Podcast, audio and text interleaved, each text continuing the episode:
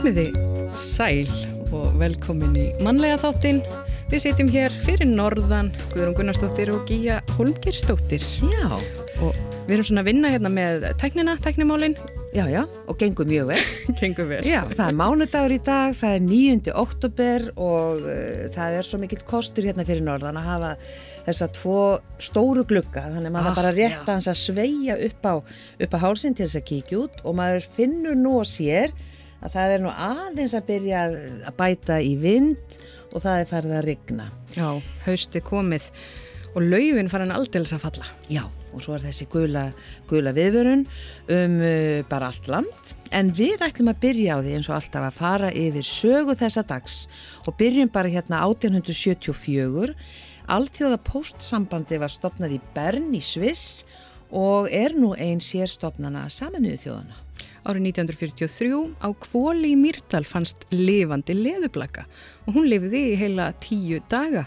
Leðublaka hefur aldrei áður fundist á Íslandi en voru nú ekki einhverja leðublekur sem fundist um daginn? Jú, sko þess, eh, á þessum Þetta tíma á þessum tíma, já, fundist. akkurat, já. akkurat. Já, því miður þá slæðast nokkran hérna. Með einhverjum bananakossum og svona. Já, þetta er eh, ekki, ég myndi ekki vilja finna þetta, Nei. get ég sagt þér.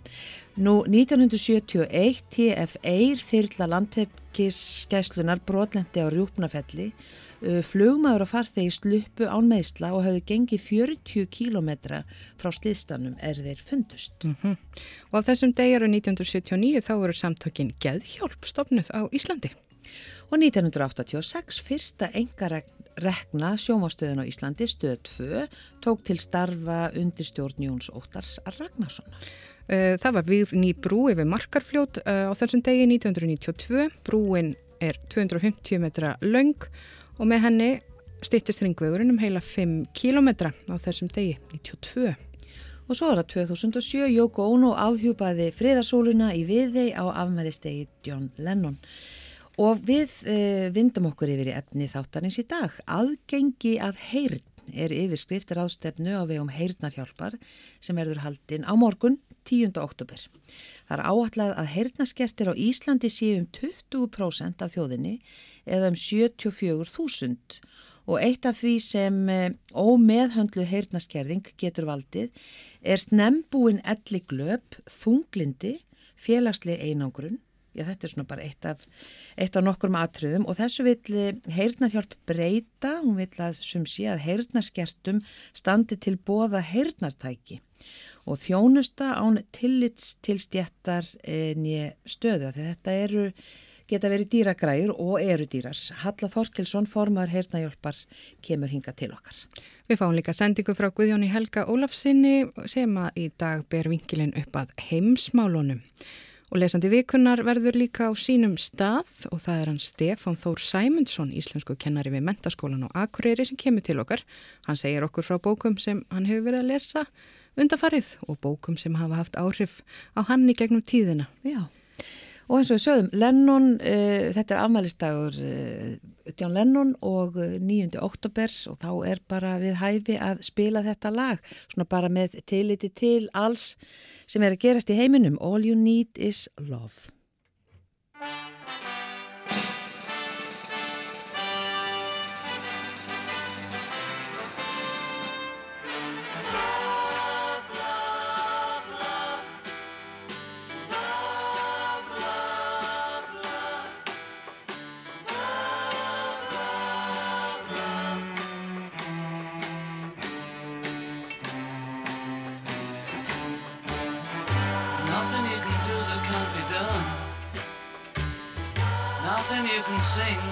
Be sung.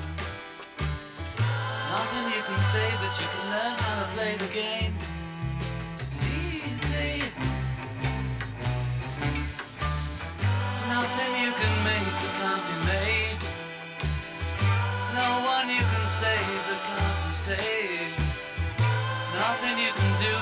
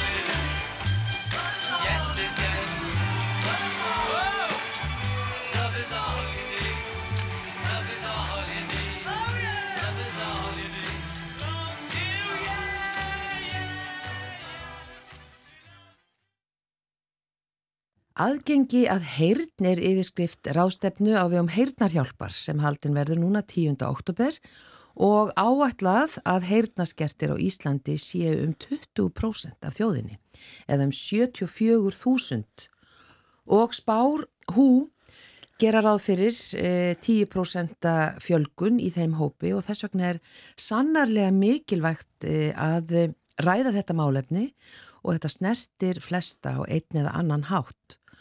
Og það er sorglega staðrind að, að meðaltali líða 10 til 15 ár frá því að heyrnatap hefur orðið þar til viðkomandi fær sér heyrnatæki. En e, e, ómeðhöndlu heyrnaskerðing já, getur valdið e, bara skada og hún er komin hinga til okkar formar heyrnarhjálpar Halla Þorkilsson, velkomin. Takk að þið fyrir. Takk fyrir að taka mótið Eh, með þennan skada sem getur orðið, já ef þetta er ómeðhöndla, segð okkur aðeins bara frá, frá því, hvað getur gerst? Já, það er svolítið, það er aðtiklisvert vegna þess að við heyrum við, sem sagt með eirunum og heilanum og þegar, þegar við hættum að heyra hljóð ákveðna tíðni, ákveðna þá hættum við að nota marga stöðvar í heilanum. Til þegar við hlustum eða erum að læra henni tungumál þá virkjum við heilan stanslaust og smátt og smátt dopnar yfir þessu. Og það er svo mikið vita hvort kemur að undan ekkið eða hænan. En, en allavegna hefur verið sínt fram á tengslamilli hirtnaskerðingar og alsamer og fleiri sjúkdóma og, og þetta er kannski rökrétt líka í því samhengi því að fólk verður að draga sér til hljés bara eins og með, ef við tökum eins og bara með vöðva, ef við hættum að ganga bara svona, já. Ef við notum þetta ekki ef við notum þetta ekki. Og, og þá er þetta ávistun á, á, á sko ákveði svona einmannaleika og bara fleiri vandkvæði, kvíða og þunglindi fólk fyrir að kvíða því að, að eiga í samskiptum uh, hins vegar má líka benda á það að oftast nær, lang oftast að þá byrjar heyrnaskering smátt og smátt það er svona algengasta ferlið og hitt sér til að þessi skyndilugu missir og viðkomandi sem byrjar að heyra illa verður oft, mjög oft, lítið varfið að sjálfur eða sjálf. já, þannig að þetta læðist aftan að mann. Þetta læðist aftan manni og þá skiptir svo miklu máli að, að sko fjölskylda eða vinir eða vinnufélagar eða hvað sem er nálgist þetta á varfærin hátt til viðkomandi. Það sé ekki skellt fram á, á hana eða hann, heyrðu eftir bara að heyra illa og, og, og þá rökkva náttúrulega allir í vörn og segja reyni og, og búa til þannig kerkju. Uh, það, og það skiptir líka máli þegar við erum komin á ákveðin aldur að fylgjast með þessu. Já, Því, því að bara allir þekkja það að þurfa að fara að sér glerugum, færtugt, bara bara fjass, elli fjassinin og það er svo bara margt jákvægt við það að nota hernatæki og passa vel upp á herna helsu sína því að hún skiptir öllu máli. Já, og þetta er mitt eins og segir, með glerugun, við erum ófeimin við að fá okkur glerugu uh, og við kenna að við sem farin að sjá illa, en það er einhvern veginn allt annað með heyrnina. Já. Þar eru við eitthvað feimin eða... Já, það er svo virðist vera. Feimin við að nota heyrnatæki. Já, það er svolítið sérstakt, því að sko þetta er alveg bráðusnjart tæki og, og hérna með marg, margvíslega möguleika sem, sem er alveg ótrúlega og hef, það er þess að hefur fleitt alveg gríðalega fram. Þetta er einhver viðhór bara, ég veit ekki eila hvenar þau byrjuðu. Mér finnst mjög sjálfrið finnst mér mjög ósmart að heyra illón og tekja tæki. Mér finnst það einhvern veginn ekki meika sens ef ég sletti smá En, en uh, við þurfum að vera jákvæðari fyrir þessu, miklu jákvæðari og mm. opinn, opinn fyrir þessu nýjungum því að uh, heyrnaskerðing, hún er oftast þannig að það er hægt að fá mikla bót með tækjum. Uh, heyrnatæki koma ekki í staðin fyrir fulla heyrni sem var. Hljóðin eru öðruvísi þegar það er að venjast þeim og mm. annað. Já. En en hérna þau bæta svo óbóðslega lífskeiðin. Einmitt. E, yfirskrift þessara ráðstefnu á ykkar vegum er aðgengi af heyrn og þið viljið meina að það sé ekki jæmt aðgengi fyrir alla. Sko heyrnaskerring skiptist í, má segja, þrjú þrepp. Það er væg heyrnaskerring og þá kannski má taka dæmi eins og fólk á orði erfitt með að heyra kannski samræðir í klið Síðan er það meðal heyrnaskerðing og þá er það orðið heyrnaskerðingin fann að gera vart við sig á fleiri stöðum og fleiri umhverju heldur en bara samkvæmið eða eitthvað slikt og síðan alvarleg. Og hér á landi þá er heyrnar og talmennastöðin, hún hefur lagaskildu til að sinna öllum þeim sem eru með alvarlega heyrnaskerðingu og öllum börnum og ungmennum upp á átjánaraldri og eh, það eru hérna rekna fimm engastöðvar sem að senna þeim sem eru með væga og litla heyrnaskenningu. Uh, hins vegar er einn hengur þarna á og það er heyrnatæki eru mjög dýr og, og fjárhauðu fólks og misjafn. Sumir er auðvelt með að fara og, og kaupa og getum meðum ekki gleyma því að þetta getur verið á nokkra ára fresti allt frá 300.000 upp 700.000 Já, og þú þarft að endur nýja þá á, Þú þarft að endur nýja tækja á nokkra ára fresti. Ekki, sko það er svolítið misend ef heyrnin helst óbreytt tækin er að sinna sínu þá kannski hægt að nota lengur. En ef að heyrnin breytist þá getur verið þörf á að skipta þeim út hraðar. Og þetta er bara þungu bakki fyrir marga og sérstaklega höfum við í félaginu orði verið við sko hjá öryrkjum og eldriborgunum þar sem að þau hreinlega eru dæmtis að sitja heima vegna þess að það hafi ekki efnótækjum þó það var ekki nema þá skrítið að segja að ekki nema 300.000 en þá er það samt ofstór biti Þannig að það er ekki jæmt aðgengi fyrir alla og, og semst er þetta ekkert niðugreitt Uh, tæki eru niðugreitt fyrir um 60.000 fyrir þá sem eru með litla og meðal heyrnaskeringu en alltaf 80% fyrir þá sem eru með alvarlega. Uh, að því ég var að tala um heyrna og talmennastöðuna að þá sinna þau eins og ég sagði börnum og úlingum upp á átjónaraldri og maður hefur stundum áhyggjur á þessum krökkum þegar verða áttjónara flest fara áfram í framhaldsskóla og eiga eftir að koma inn til húsnaðu og annað. Og marka sinn feril í atvinnumarkaðinu að það getur verið þungbyrði að byrja lífið á að þurfa að kaupa svona dýr hjálpatæki og jafnvel ómögulegt fyrir þá sem að kannski hafi ekki stert bakland og þetta er eitthvað sem við þurfum að huga að. Ekki spurning. Uh, þú ert sjálf með heyrnatæki. Já. Uh, segðu okkur aðeins svona þína sögu.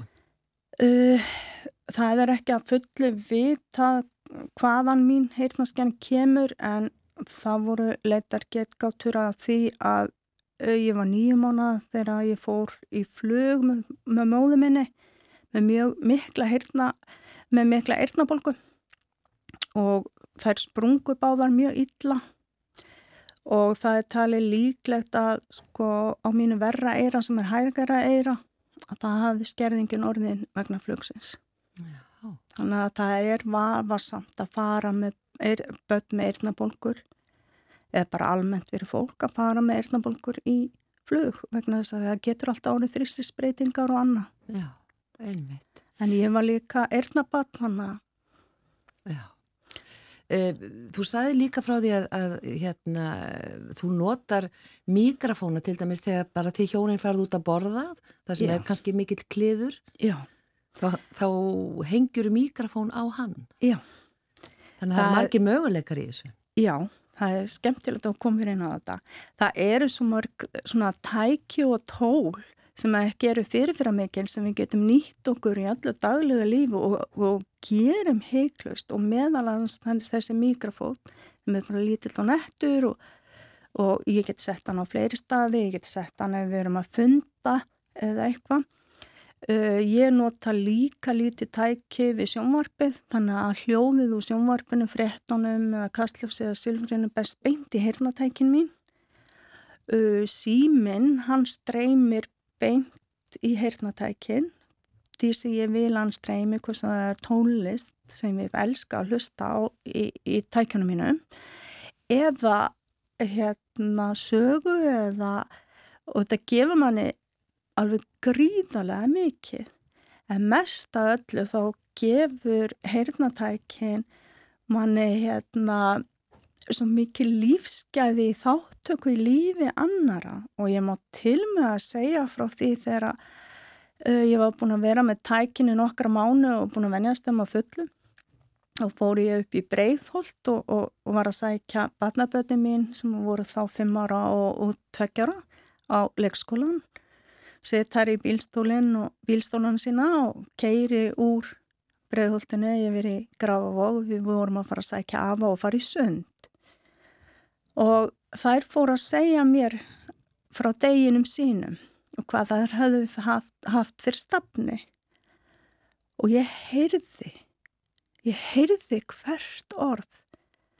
Og ég var svo þakklátt og þetta var í fyrsta skipti sem ég gætt heyrt í börnunum í aftursætinu. Að tárin streymdi því að ég keirði nýðu breyðarspröytin og ég gæsa hú þú veist, þetta var bara indisleg stund og þetta eru lífsgæðina að við erum öll einhvern veginn svona í okkar heimi en þarna snertist annar heimur okkar og við erum fáum að vera þáttakandur mm. og það er það sem skiptir máli að við sem ekki að miskilja ekki að draga okkur í hlið stundum þurfum við jú sér úrræði. En það er líka allt í lagi Akkurat. Það er bara að fá að vera eins og erum. Já, og þessi rástefna, aðgengi að heyrð, hún verður haldið núna 10. oktober e, og það er, e, eru ymsi sem taka þar til máls og meðal annars e, tveir þjóðþektir einstaklingar, Jón Gnar og Bubbi. Já, uh, Jón Gnar allar að segja okkur söguna sína og hérna það verður mjög skemmtilegt að heyra hann segja frá þeirri lífsreynslu að gangast við því að vera orðin heyrnaskertur og fást þér heyrnatæki og ég hugsa hann skafi ekkert að því frekar en fyrir daginn.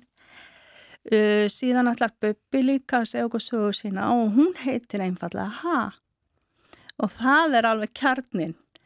Uh, það koma fleiri fram, hún kemur líka hún Sigriði Mattildur Aradóttir sem er fyrst í fullorðni Íslendingurinn til að fá kuðunsíkræðslu á bæði eiru og hún þurfti að gangast þrautaköngu til að fá það í gegn.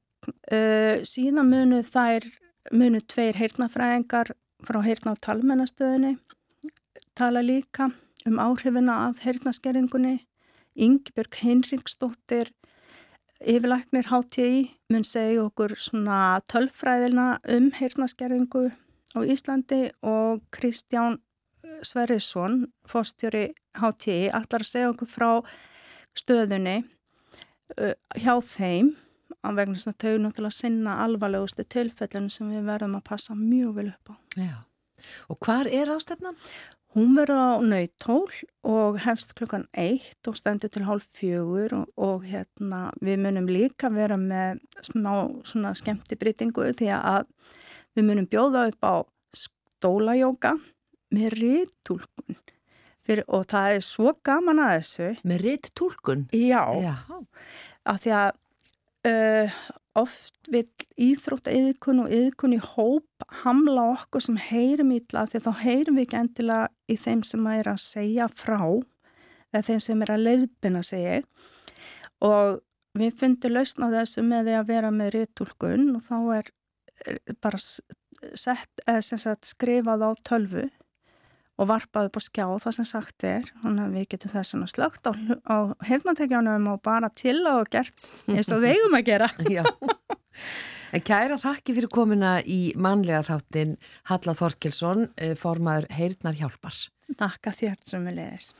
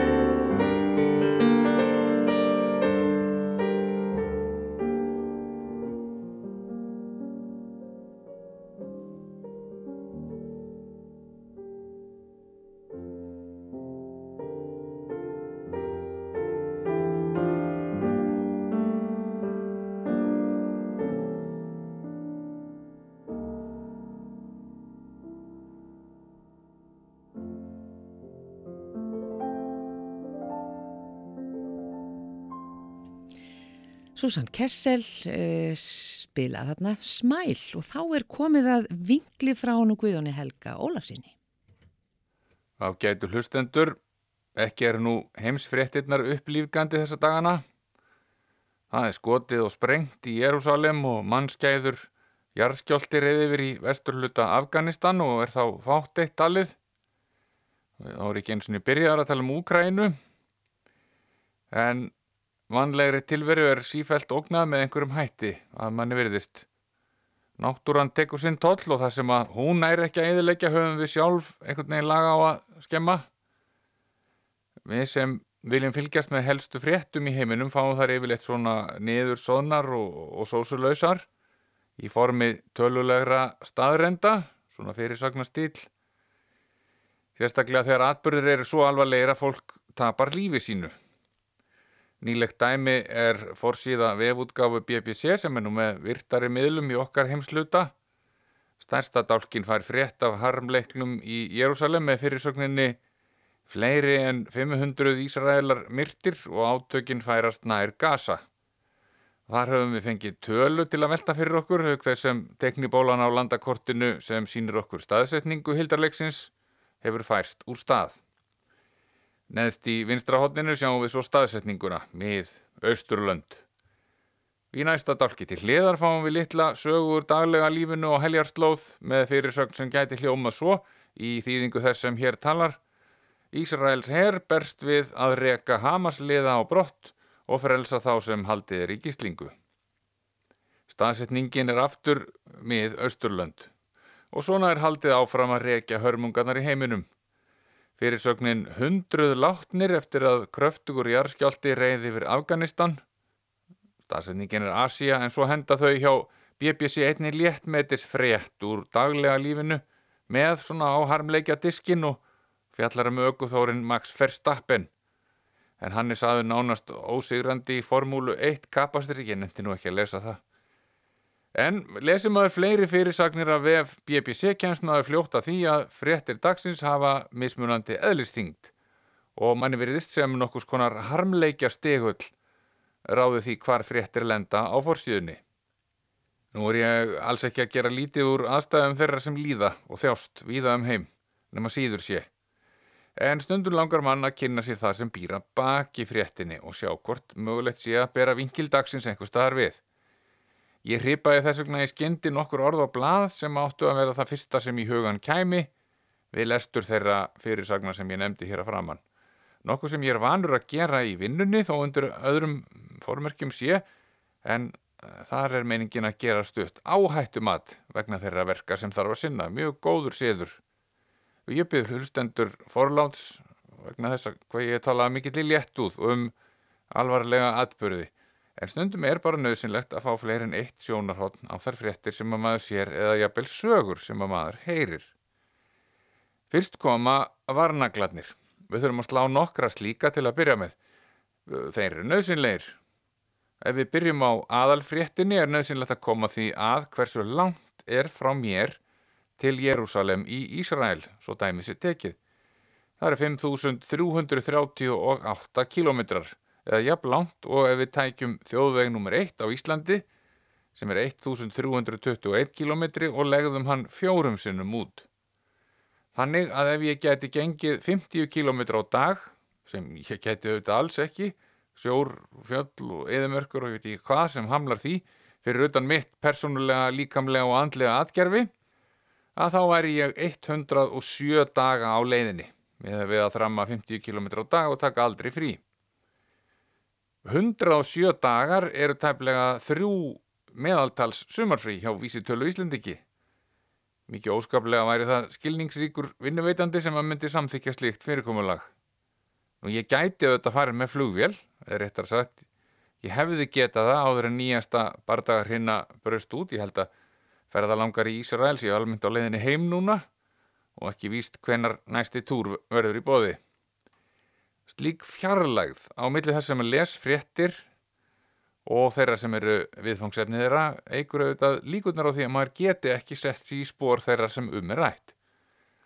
Á milli okkar er líka menningarmunur, allt annað tungumál, já réttar er að segja allt önnur tungumál, þau eru nú fleiri neitt þarna, önnur trúabröð og aðrar áherslur varandi slíkt. Þarna austufrá eru trúmál ekki létt vægfundin eins og kannski stundum hér. Helstu atrið í áhættumatinu akkurat núna eru vantanlega að verða fyrir bissukúlu eða lendi því að verða sprengtur í loftu. Svo er matareiturinn alltaf klassisk og ofþornun en ég er alls ekki frá því að, að maður ætti nú að heimsaka Ísrael einhvern tíman og Palestínu við tækifæri. Það er ábyggilega mjög fróðlegt en vissulega alls ekki kjör aðstæður til þess í dag. En hvaða bardagar eru þetta og hver er að berjast og af hverju? Flest höfum við séð og heyrt fjallað um Ísrael og Palestínu í gegnum árin. Um landið sem skipti átti, já, bróðurlega á milli Íslams trúara Araba, annars vegar og landlausra kýðinga sem lengi voru ofrétti beittir og lokum offsótt af nazistum í útrýmingarherferð sem alla jafna nefnist helförin á íslensku hinsvegar. Einlega er ekki hægt að segja að þetta hafi hefnast með bravur, þarna ríkir nánast stöðug óöld og sínist sitt hverjum. Alþjóðasamtök síjónista á samt fleirum gengust fyrir því að fjármagna og kaupa land í Palestínu af Tyrkneska og Breska heimsveldinu sem þá réðu uh, lofum og lögum í Palestínu og í bænum Safed var sennilega fyrsti alvarlegi áreiksturinn á milli Araba og Gýðinga úr nýja landnáminu eftir landakaupin í desember árið 1882 Þá vildi svo til að vörður í henni nýtilstofnuðu geðingabið Rospína og stattur var í brúðköpi fólks af geðingaættum, skaut mann af arabaættum. Veit ekki af hverju hann gerði það, mögulega haldið að hann væri að verja eitthvað eða verið að dundra út í loftið eins og er gerðin úr stundum en félagar þess skotna og ættingjar tóku því ekki fagnandi og í kjölfari mættu 200 arabar í geðinganýlenduna, opnaðir grjóti og lögðu staðin í rúst. Síðan hefur að sjálfsögðu halla til begja átta, sitt á hvað en og auðvitað er þessi saga miklu, miklu lengri og floknari. Ég hvet alla sem hafa áhuga að lesa sér betur til og ég er ekki sjálfur undanskilin þar. Til dæmis má hafa í huga við lesturinn að kynna sínu vandlega báða hliðar mála því að flestar fréttaveitur á Vesturlundum virðast hafa minni áhuga á málstað palestínumanna akkurat núna en stundum áður þegar að kastast hefur í gekki hefur kastljósið beinst að þeim. Sjálfum finnst mér skrítið að vera með einhver lið í svona málum. Það er ágætt í fótbolta og svo leiðis en í lífsins alvöru málum þarf oftast að skoða allar hliðar á teiningnum. En í sumar hitti ég skemmtilega fjölskyldu frá Ísrael.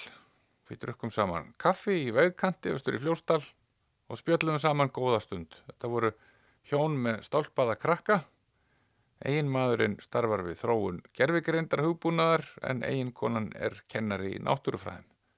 Kurteist og almennilegt fólk. Og ég gerði svo djarfur en leið á spjallið að spyrja þau aðeins út í politíska landslægið heima fyrir.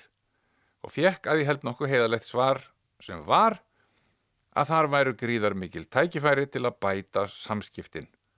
Og vonandi kemist þau mál í betri farveg sem fyrst sem því miður ekki varð. Og ég vona að þetta góða fólk sé enn á lífi og geti unnið samfélaginu til heilla hér eftir sem hinga til. Þau síndu skónrækt á Íslandi, sérstakann áhuga og vildu meina að við værum ákaflega heppin að geta rækt að tré á íðavangi og ættum að nýta þann möguleika út í æsar. Ég var því miður að greina frá því að nýgróðusetningar á Íslandi eru loksins aftur að verða af sömu stærðargráðu og fyrir efnahagsrunnið árið 2008. Það hefur tekið okkur 15 ár, blóð, svit og tár að klóra okkur aftur á þann stað sem ekki ennú merkilegur.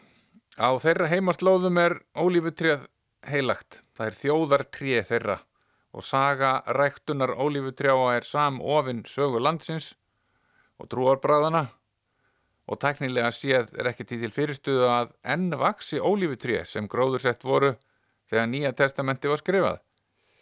Við hér á Íslandi erum ekki á leiðin í neitt ólífutrjáa business, landfræðilega ómögulegt held ég, en um sinn, en getum þá vonandi einhvern tíman lært að hugsa fram í tíman varandi gróðurinn í kringum okkur.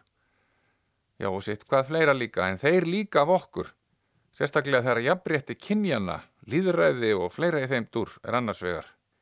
Nú hefur verið hnittið að koma með sögu af kynnum mínum við palestínumenn, kannski í vegkanti á vestfjörðum, en ég verði því miður að valda ekkur vonbröðum og játa hafa sennilega aldrei hitt neitt þaðan. En hefði örgla bara gott af því.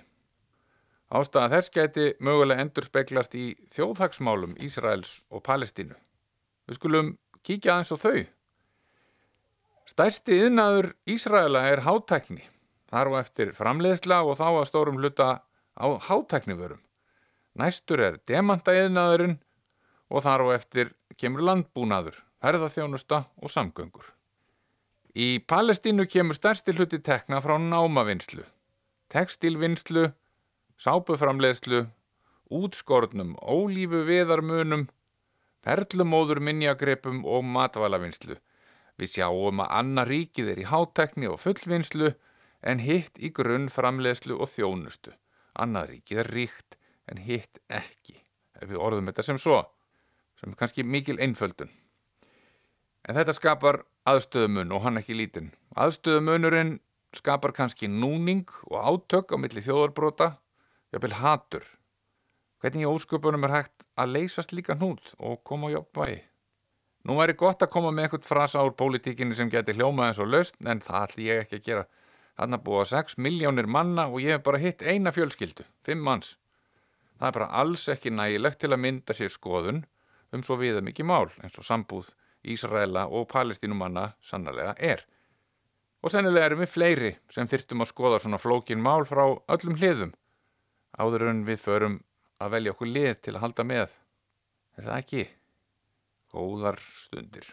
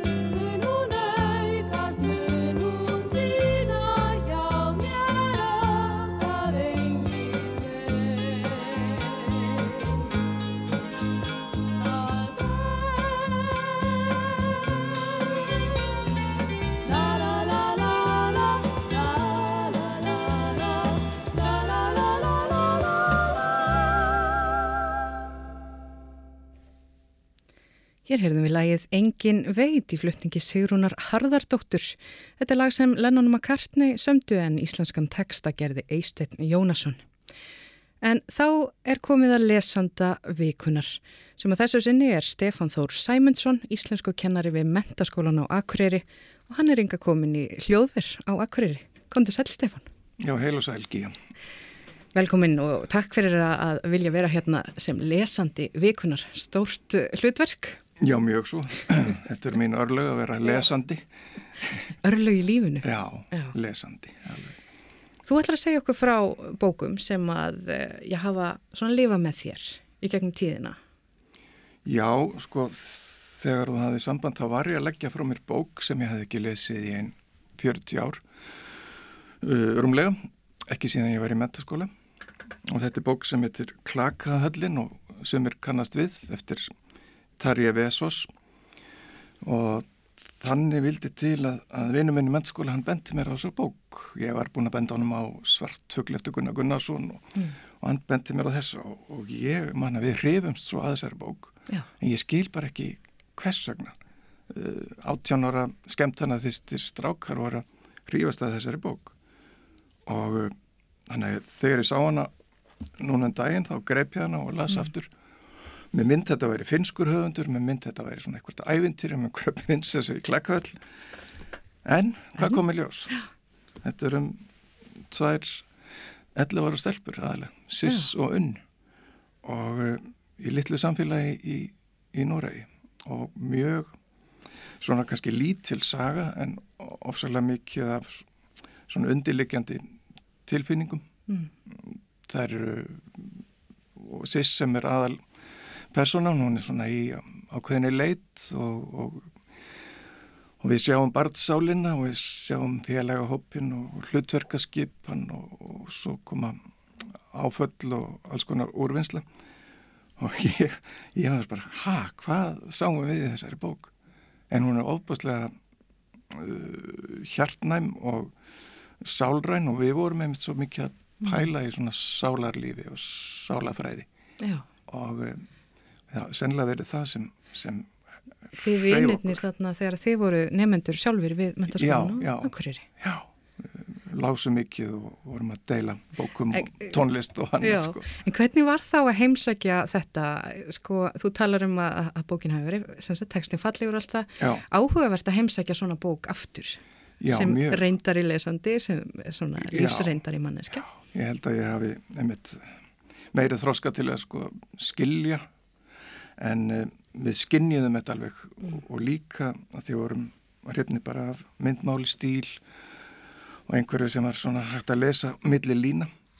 Og þetta er mikið þannig bók. Og eh, svona til að lesa upphátt og smjatta ég las fyrir konunum mína smá bara mmm, hvað Já. þetta er fallegt mál. Og það er Hannes Pétursson sem þýðir þessa bók.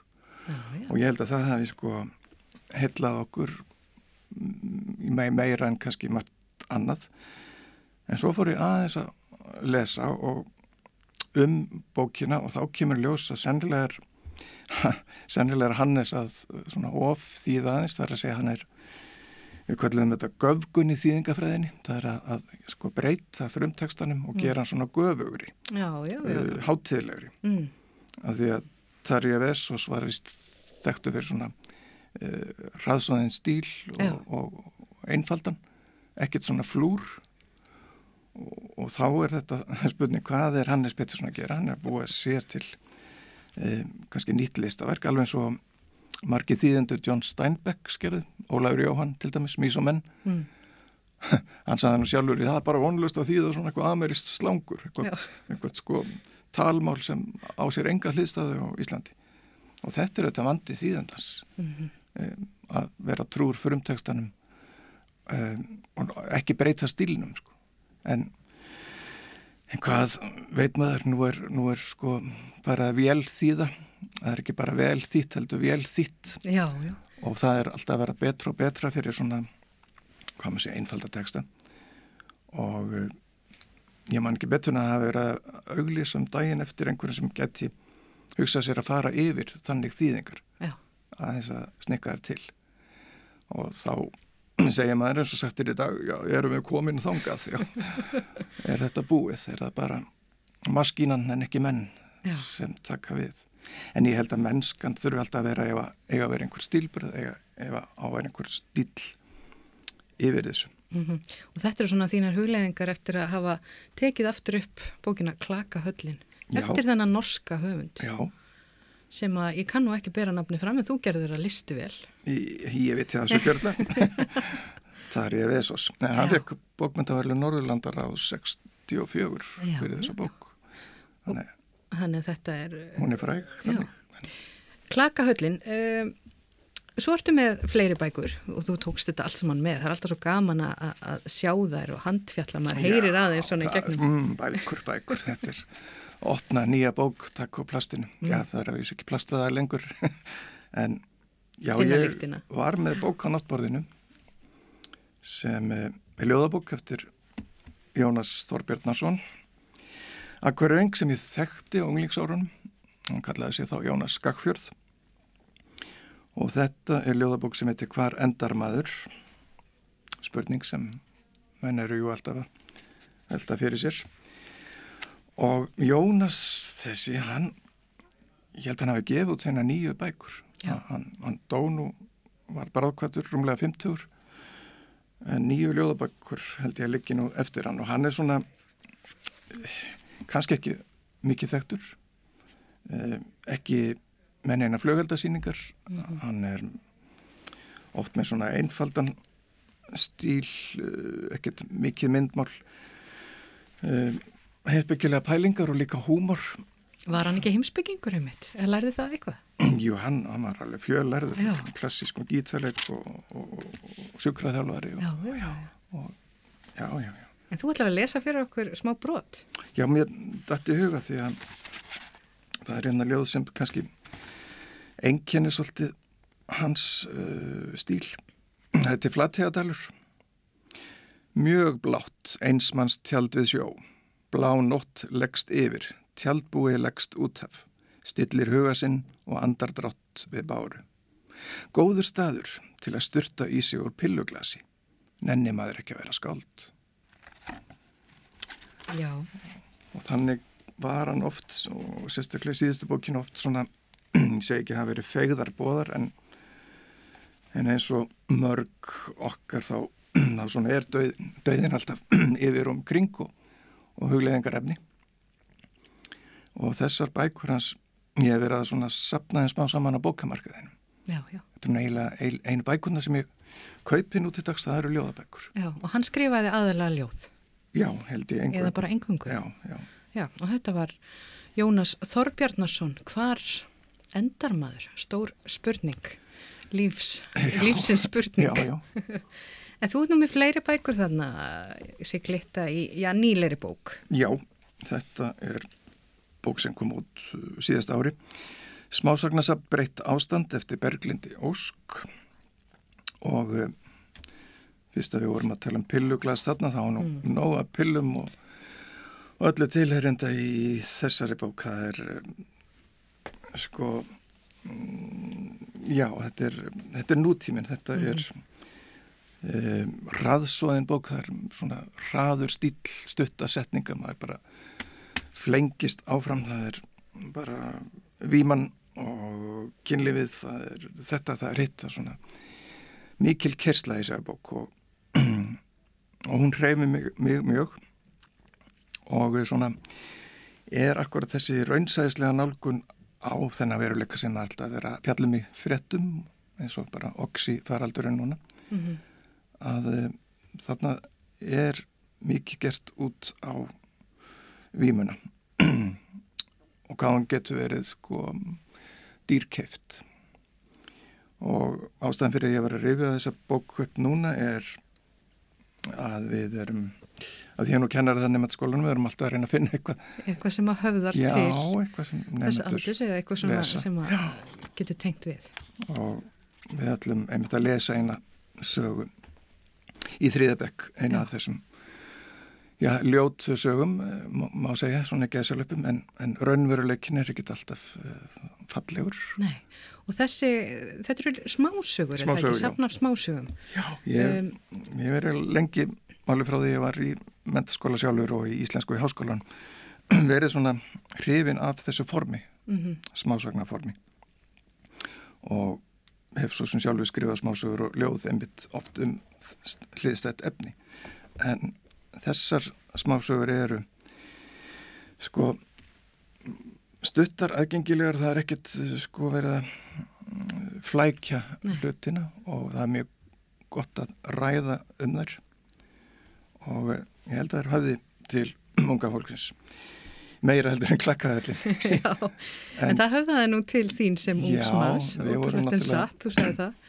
Við vorum svolítið skrýtnir hann hálgerðir nördar af þessu leiti Já, en smásagan sko eins og segi hún hefur heillað mig lengi og ég kom með aðra bók eftir Davíð Þorvaldsson. Já, Davíð Þorvaldsson, hver er, hver er það nú? Já, hann, hann er glemdur, hann er eiginlega ekkit, honum er ekkit hampað í bókmættasögum en hann er sem sé akkurengur, fættur í strandguttunni og, og varði ekki nema rúmlega þrítur, var berglaveikur, Já, gaf út tvö smásagnasöfn, læriði í Fraklandi en eh, sem sé dó ungur, hann var vinur Davíð Stefánssonar sem fleiri þekkja nú. Og Davíð skrifaði einmitt um hann dálítið. En Davíð Þóraldsson hann hann byrjaði svona sem kannski raunsæðislegur smásagnahöfundur með Björn Formaður og fleiri sögur. En svo reynlega eftir dölina hann að siðra þá fer hann að flytja inn svona já, henda smásögun inn í nútíman já, já, og koma svona sviðsetningar, tilfinningar ekki endilega þessar eh, línilugu frásagnir heldur svona meira myndir. Og frægasta sagan, kannski eina sem er fræg heitir Skóarinn litli og fjallar einmitt um döðvona mann já, sem einn og fjari ástöðinu sínum er að býða eftir döðanum já, sem að komi honum að einu sinni. Hann er þannig alltaf einhver staðar. Og ég hef oft svona verið svolítið öðris ég hef svona eh, haldið upp á höfundar sem fáir vita af. Já, grúskað grafið. Það var eins í tónlistinu og svona þetta er skrítnan hljómsveitir já, já, já. svoleiðis. og þú grefur líka upp þarna tvo akureyringa, Jónas Þorbjarnason sem að, uh, þú talar um ljóðabókina og svo hann Davíð Þorvaldsson með þetta spá, smásagnasafn já, já. sem heitir hvað? Ég fyrra safnið þetta Björn Formaður og fleiri smásögur og hér setna Kalviðir og það eru settar saman hérna í eina bók sem ég fekk á Fordbókamarkaði. Hefur greinlega kostað 32 krónur einhver tíma nema svo sett niður í 18 krónur stendur hér inn í. Já, já, já. E, þú talaður um, e, þú ert nú ofta að leita að efni sem að höfðar til les sko þinna eh, nemenda. Mm um, og lest svona glemta höfunda, við erum búin aðeins að, að rýna í það en, en ég veit að þú ert nú sjálfur að skrifa eitthvað. Já, ég hef ég þýtti mikið hérna áður fyrr svontilega fyrir salt í grötin. Og svo hef ég skrifað en já, 5-6 bækur sjálfur. Ljóðabækur og spásagnasafn og hálgera skáldaði Já. sem er mitt reyfar aðeins upp metaskóla árin og Já, allt það. Og það er þitt nýjasta verk sem heitir hvað? mitt nýjasta verk er uh, smásagnasafni Grímur sem kom út í fyrra.